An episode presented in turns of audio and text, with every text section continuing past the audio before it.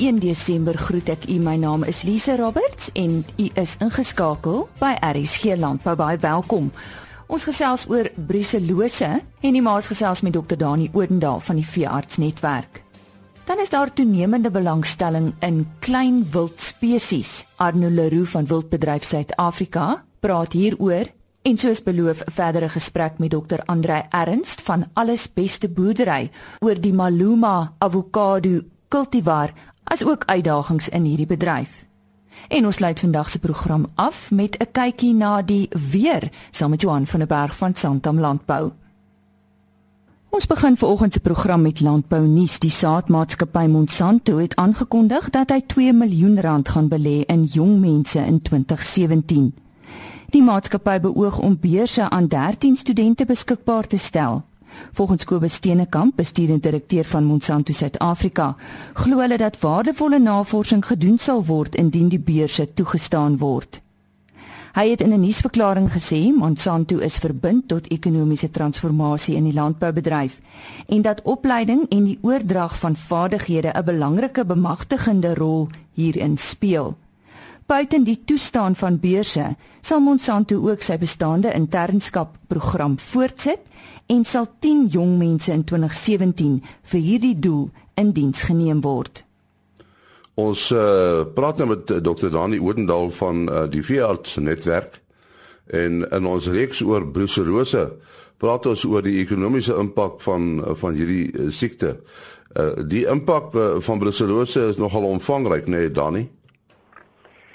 Ja, die impak veral hierdie as dit die eerste keer in 'n kudde kom. Dis waar ons die grootste verliese sien. Uh die eerste keer as dit in 'n skoon kudde inkom en besig is om deur die kudde te versprei. Uh wat ons tipies sien is dat ons 30 uh, tot 40% aborsies kry. Dis die duidelikste teken wat jy kan sien. 30 tot 40% aborsies as 'n inkomende skoon kudde wat vatbaar is en ideaal moontlik ook nie geënt is nie. So dit is 'n is 'n reuse verlies. As jy op 'n 100 koei eenheid kyk, is dit gewoonlik omtrent in die omgewing van 250 000 rand se verlies wat jy ly net in daai eerste fase waar jy die aborsies kry. So dis dis die begin van die siekte en die eerste verlies wat jy ly want daai diere was 5 tot 7 maande dragtig, hulle is gewoonlik ver dragtig uh voor hulle aborteer. So daai jaar se produksie is verby en nou moet jy vir die volgende jaar wag. As 'n koei een keer geaborteer het, gewoonlik 10% van hulle kan weer aborteer, die meeste van hulle sal nie weer aborteer nie. Die tweede gedeelte van die verlies nou is nou jy besmette kudde. So as jy nou as jy nou gaan toets en jy het 'n besmette kudde, beteken dit jy kan geen lewendige diere meer verkoop nie totdat jy weer negatief uh, getoets is. En dit is 'n proses soos ons weet wat 3 tot 5 jaar vat om om 'n kudde weer skoon te kry. So in daai volgende fase uh moet jy nou diere uitslag en um, onder spesiale permit geslag word so normaalweg kry jy ook baie minder vir die karkas as as jy normaalweg sou gekry het.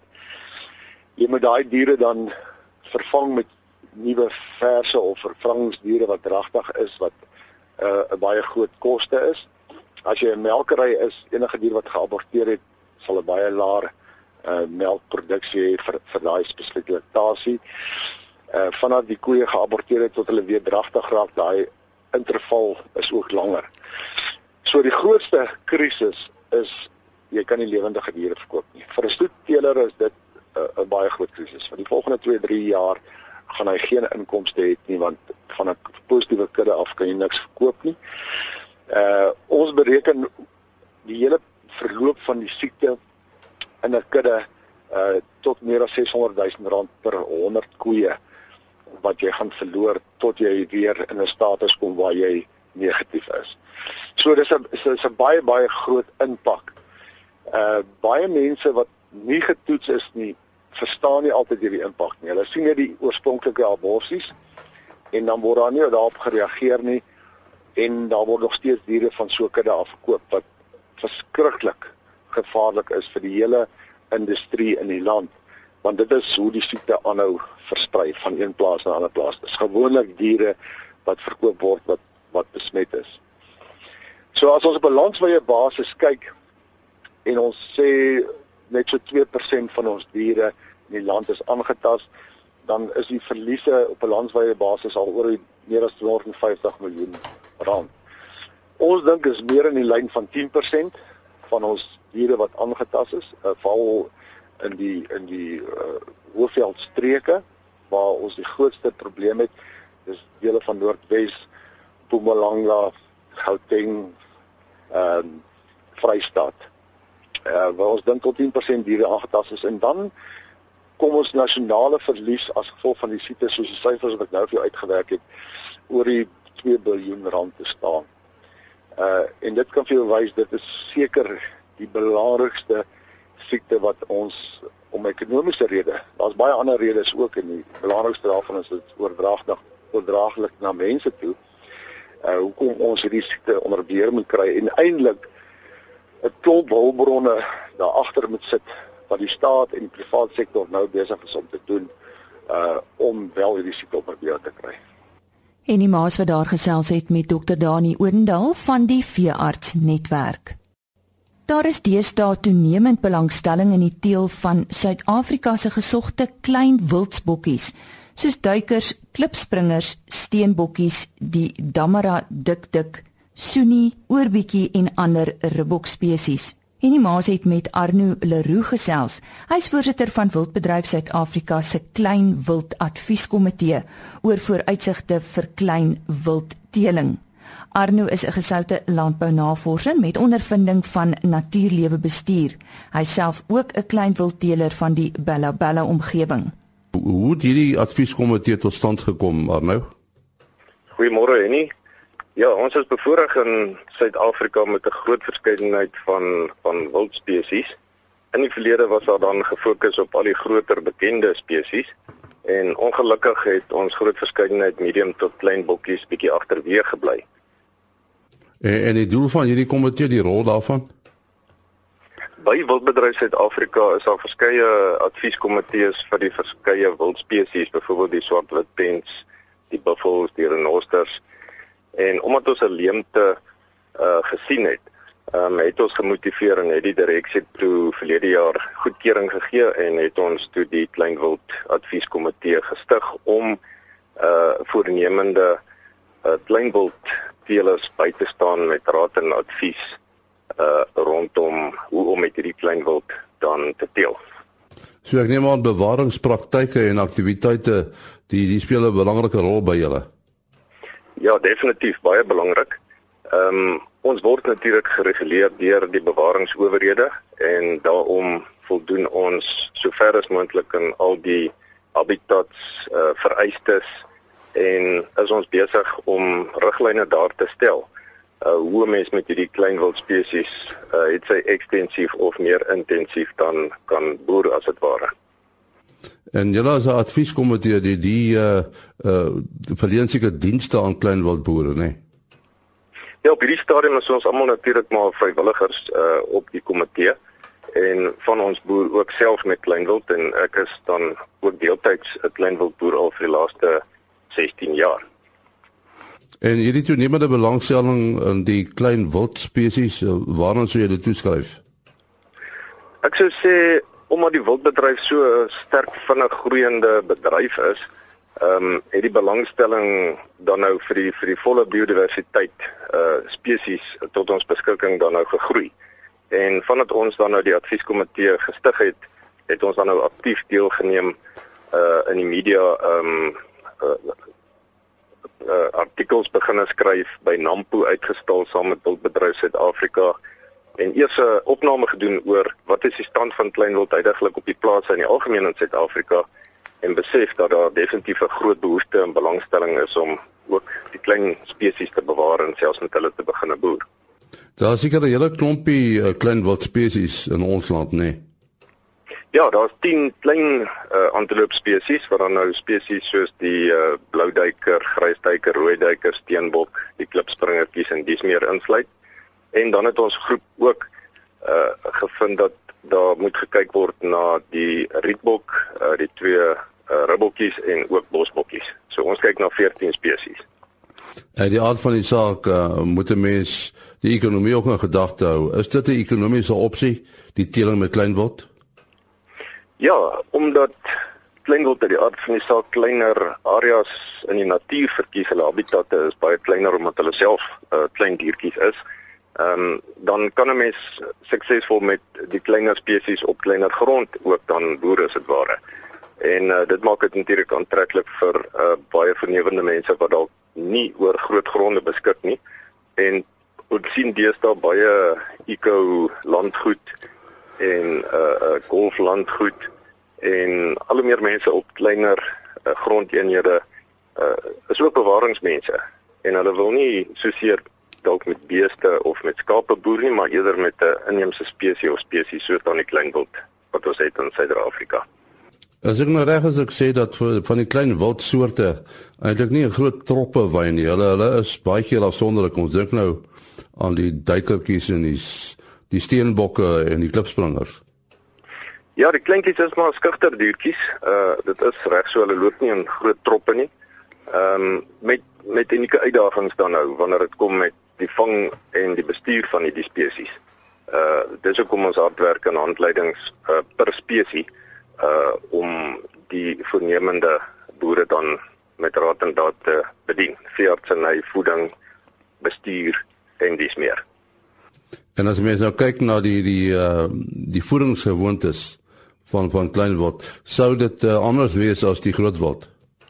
Ja, definitief. Ehm um, as ons nou vat uh, van die duikerspesies wat eintlik nou woudbewonertjies is wat onder in rye bos dan nou uh, al die bessies en blare en blomme en so van die van van van die woud uh, as dit ware dan nou op die grond optel so hulle is hoë konsentraat uh uh, uh met met 'n vinnige metabolisme. So dis hoekom ons ons ons moet kyk na per spesies na wat hulle voedingsbehoeftes is veral as 'n mens in 'n in 'n kleiner bestuurseenheid ingaan dan is dan is voeding baie baie belangrik. As mens nou 'n bietjie praat oor jou eie boerdery, uh, Dexters, die die Dexter beeste, die die speel 'n belangrike rol met jou klein wildboerdery. Vertel ons.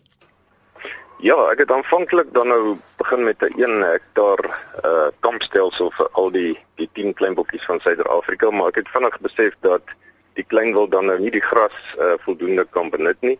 En ek begin nou rondkyk na beesras wat ek kan inkorporeer in die klein wild stelsel in en bietjie met die Dexter uh genootskap uh op Nampo gesels en toe op hierdie dubbel doel klein ram bees besluit en ek moet sê hulle doen uiters goed en as 'n wissel by uh beesras doen hulle baie goed en ek gebruik hulle ook om die die die die bosluise op te tel in die kampies en die die beeste word dan vir interne en eksterne parasiete ehm um, behandel en sodoende het ek geen uh behandeling op die klein bokkies nodig nie. So die beeste doen regtig 'n baie uh, speel 'n baie belangrike rol. En die maas daarin gesprek met Arno Leroux, voorsitter van Wildbedryf Suid-Afrika se Klein Wild Advieskomitee. Die 2016 nasionale landbouskrywers boer van die jaar is alles beste boerdery en dit is Dr. Andrei Ernst en sy twee seuns Zander en Adrian. Ek het gister oor sy boerdery gesels sy twee seuns se verantwoordelikheid en wat hy by sy pa en sy oupa geleer het. Vandag gesels hy verder onder andere oor die Maluma avokado kultivar en ook die uitdagings in die avokado bedryf. Dit is 'n wonderlike verhaal die hele Maluma kultivar. Uh omdat ek in die kwekery wat ek belang gestel het in my nagraads gedoen het in beworteling van avokado stiggies, klonale vermeerdering van onderstamme en die hele dryf daarna agter natuurlik is om om onderstam wat 'n verdraagsaamheid en bestandheid teen die wortelvrot siekte het, Phytophthora cinnamomum, dat jy uh, uh, uh, daai materiaal klonaal kan voortplant met vol geneties identies en dit is 'n moeilike proses. En dit moet jy natuurlik nou in plek kry en dit het my uh, belangstelling uh, weet ek het ander gebelangstel, my nagraads gedoen en toe natuurlik toe ek by plaas kom onmiddellik die kweker opgesit. Ook een van die ruimtes wat my pa my dadelik gegee het. En om kompeterend te wees, moet jy sorg dat jy altyd soos die Engels sal sê 'n trade-off het. En dit is baie baie belangrik dat jy in 'n kwekery uh iets het wat die ander kwekery dalk nie het nie want hy gaan dit in elk geval probeer teen jou. En uh en een van die dinge is is om altyd voor te hardloop op produkte hê wat ander mense graag by jou sou wil koop wat hulle by ander kwekery nie noodwendig kon koop nie. En dit het toevallig gebeur dat een 'n kliënt van ons het uh het 'n uh, blootstelling gehad aan hierdie bepaalde uh, cultivar select was dit daai tyd in Levugo, hulle het hom daai tyd 3 shares genoem, het van uh, 3 Joubert afgekom, sy plaas se naam was Maluba. En hulle het hom in die begin 3 shares genoem. Ons het besluit nee, ons gaan hom die naam Maluba gee. En dis is 'n reg Suid-Afrikaanse naam. En hy het die regte aan ons oorgedra toe omdat hy nie kans sien om 'n hele ontwikkeling te doen nie.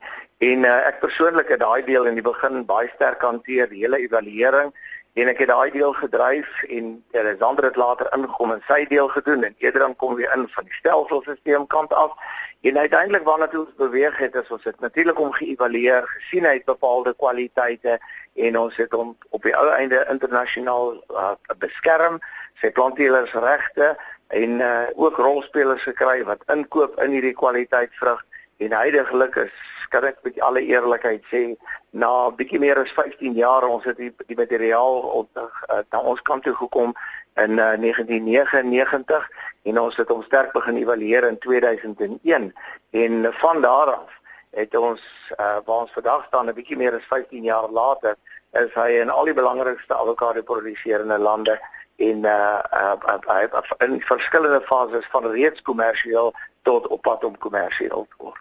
Andre, ek wil met jou praat oor uitdagings in jou bedryf want jy is nou al lankal en ek weet enige iemand weet 'n 'n avo is nie 'n maklike plant om te plant en om en om te kry om te dra en en daar is uitdagings. Wat is vir julle die moeilikste? Kom ek sê vir jou, uh Die heel eerste ding wat ek vir jou genoem het aan uh, die begin is, toe ek in die boerdery ingekom het, was die boerdery op 'n laagtepunt geweest. Dis 'n hartseer tydperk waar ons nie meer met sitrus kon voortgaan nie, waar ons plaas te koud was om uh, ander geval met die piesang tot op die laagste dele te kon gaan. Ons kon net die boonste 30 hektaar ontwikkel. Sommige bloekomplantasies moes verwyder word in die om te onthou ons het vloedbesproeiing gedoen. My pa het die sprinklerbesproeiingsstelsel ingesit in die 60er jare. Dan was ons aan bokant nie kan kanaal ook aan water gee. En uh dit was 'n hartseer tydperk waar avokado's wel geplant en verbou was. Maar uh hulle kon nie suksesvol uh met met uh met avokado's boer as gevolg van wortelvrot nie. Dit is 'n wêreldwye probleem. Die Kaliforniërs het baie werk daarop gedoen omdat hulle natuurlik ook die probleme het en daar het uh 'n professor Wendmeyer het baie werk daarop gedoen om uh, om 'n uh, 'n uh, verdraagsame ideaal gesproke bestaande onderstam te kon selekteer en so is die die die uh, onderstam diox 7 geselekteer wat wêreldwyd die eerste klonale onderstam was wat gevestig het. En dit was die dit was die eerste uitdaging om te sê hier kom jy in die plaas in. Jy moet hierdie plaas omskep in 'n winsgewende eenheid. Daar sekerre beperkings daar sterk baie streng uh, finansiële dissipline wat uh, dis een ding wat uh, wat ek presies nou nog gesê het by my pa geleer het is dat jy moet jou finansies gesond hou jou kontantvloei bestuur al daai dinge dit word die kern van alles en natuurlik moet jy die bateware van jou onderneming groei so so nou wat jy doen jy moet 'n produk hê en dit moet 'n geskikte produk wees. Eerste loopie wat ons geloop het was in die 80er jare om die kwekery van die grond af te kry reg en die basis stewig te vestig. Van die 90er jare af, jy moet bloekoms uithaal. Dit is dit is oor die 100 is onder onder 160 hektaar se bloekom wat ons ek moes verwyder het. En uh oor tyd sommige het pisa's toe gegaan soos ek vroeër genoem het. Ander het toe na avokado's toe gegaan hier van die 90er jare af. En uh natuurlik met hierdie geskikte bome. Toe is ons reg Ons het 'n ordentlike klonale boom wat ons met 'n tegniek wat ons self ontwikkel het, uh, het ons die bome ge gemaak en natuurlik dis onnodig om vir jou te sê as jy wortelvrot wil uh, uh, wil beveg, moet jy 'n uh, verdraagsame wortelstelsel hê, maar jy moet 'n goeie wortelstelsel hê. So jou hele klonering moet want dit is nou basies jy dis soos wat jy 'n stiggie sou bewortel en hy is op sy eie worteltjies. Dis wat jy basies doen, so die wortels moet ontwikkel uit die uit die uh, vegetatiewe uh, uh, uh, deel van die plant uit. En dan dan uh, die, die goeie wortelstelsel wat natuurlik ongelooflik belangrik is en ek kan dit vir jou noem, uh, ons kwekery is vandag uh, uh, oral bekend as dat ons van die beste gehalte avokado bome uh, kweek omdat ons wortelstelsel so goed is en dat die bome baie goed groei en op die einde beantwoord aan die doel. Dit, dit was nommer 1. En dan moet jy nou gaan en dan moet jy kultivar keuses reg hê. En in daai jare was was HES die verwysing het dit baie sterk hier in die laaste 70er jare was daar 'n geweldige swaai na weg van die groen skil wat verte was daai stadium na die HES kultivar toe en natuurlik wat doen ek? Ek plant HES want dit is die riglyn. Interessant genoeg in die 90er jare ek het dit vroeër vir jou genoem hier laat 90er jare kom ons sê uh by die draai van die eeu het Maluma ons kant toe gekom en by die evaluering het ons agtergekom dat Maluma doen beter op die laat dele hy produseer ook 'n beter telling vrug wat die wat die mark wil hê en hy kan hierdie laagkoue dele beter hanteer. Uh 'n vruggewys vir vrugskade aan jou jou vrugvleis baie beter as hash en dis die rigting wat ons dan nou gekies het en ook die rigting wat ons gaan. So die uitdagings daar was om konstant uh te kyk dat jou finansiële posisie reg is, dat jou skuldverhoudinge reg is aan die een kant dat jy die regte produk plant en dat jy uh, uh dit van 'n goeie kwekery af kry. Uh, Natuurlik het ons ons alles beste kwekery daar verdaag ontwikkel en dat jy dan die regte kultivar plant wat in die markplek vir die beste verdienste sal gee.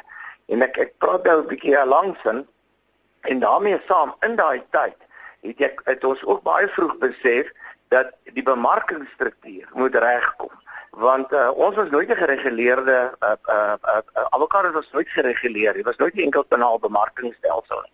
So ons moes ons bemarking self doen wat ook wonderlik was. Ons moes eienaarskap gevat het van daai hele uh, geïntegreerde lyn op tot in die markplek wat natuurlik Europa was. Ek persoonlik was daai een deel vir my verskriklik lekker om daar betrokke te kon raak by uh, by 'n hele nuwe bemarkingskonsep. Uh wat uh wat wat waar die eienaar die produsent beheer vat oor sy uitvoermaatskappy en op die ou end dit die direkte verhouding met die markplek het wat tot vandag toe vir my 'n baie baie belangrike uh, element in ons boerdery is sodat jy uiteindelik die produk 'n nuwe kultivar soos Maluma baie maklik in die markplek kan vestig omdat jy die verhouding daai. En dan is wat so die uitdaging was was op, op 'n baie baie breë basis. En dan moet ek vir jou sê as jy dan dit gaan kyk dat jy hierdie vertikale integrasie het waar jy beheer oor die hele lyn van pit tot die, tot waar jy waar jy die verantwoordelikheid oorgee eers wanneer die produk gekoop word want as hy eers gekoop is deur deur die verbruiker dan verdwyn jou verantwoordelikheid eers uh in in in die vrugtebedryf dat jy daarin integreer en dan ook het ons by alles beste in jou gemeenskapsbetrokkenheid is daar 'n 'n 'n horisontale uh uh uit uh, kom ek sê 'n horisontale uitdeel van kennis wat jy ook graag wil doen waar jy die mense wat langs jou loop ook dit meer deel om die hele bedryf te bevorder omdat jy kan nie net sê alles beste avokado alleen nie. Jy's binne 'n bedryf en as jy glo en dit wat jy doen moet jy horisontaal ook uh, 'n uh, bietjie blootstelling gee. En dit is natuurlik 'n heerlike deel van avokado wees Dr. Andrei Erns met wie ek daar gesels het en die alles beste boerdery is aangewys as die 2016 nasionale landbouskrywers boer van die jaar. En nou gesels ons weer sake met Johan van der Berg van Santam Landbou. Johan, en toe begin die reën daarom val. Ja, oor gedeeltes het dit dan geval, maar ek moet sê daar's nog gedeeltes veral na die weste kant toe wat krities en baie baie droog is. So mens kan amper 'n lyn trek. Ek weet nie wie die N1 beplan die tyd nie, maar oos van die N1 lyk dit eintlik baie goed en wes van die N1 uh lyk dit minder goed. So ja, het, oor groot gedeeltes het daar dan baie goeie reëns geval. Die stormagtigheid daarmee saam, maar uh, weer eens die weste kant is daar gedeeltes wat baie krities is. Is dit nie tradisioneel maar so dat die weste kant meer sukkel met water nie? Die weste kant is die droër deel van die land en tweedens die weste kant kry tradisioneel later reën as die ooste kant. So eh, as jy mens gaan terugkyk in die geskiedenis, dit reën maar eers in die oostelike gedeeltes van die land en dan uh, later in die seisoen brei dit uit weste kant. So ja, dit is dis redelik tipies, maar dan moet daarom daar gaan daarom gewoonlik een of twee stelsels uh, wat ook die weste kant begin vang uh, vroeër in die seisoen wat op hierdie stadium nou nog nie gebeur het nie. En wat mense 'n bietjie bekommer, ons het gesien hierdie laaste paar dae was daar eintlik redelike goeie stelsel wat hier in die weste kant ontwikkel het en uh, dit het afgegaan Kaap toe en 'n gedeelte het uiteindelik gesplit en toe hier oor die noordelike gedeelte sou kan beweeg.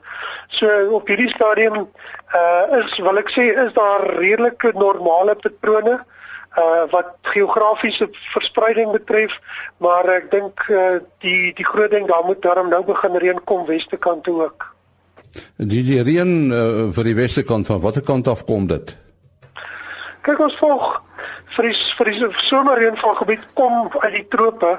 So die volk beweeg af hier oor sentraal en Wes-Afrika uh en uh, dan suidwaarts. So wat op hierdie stadium gebeur, die volk beweeg eintlik hier van Angola uh oor Botswana en Zimbabwe en dan vang dit net hierdie uh sentrale tot oostelike gedeeltes van die land want mens moet onthou die stelsel beweeg so van noordwes na suidoos se kant toe.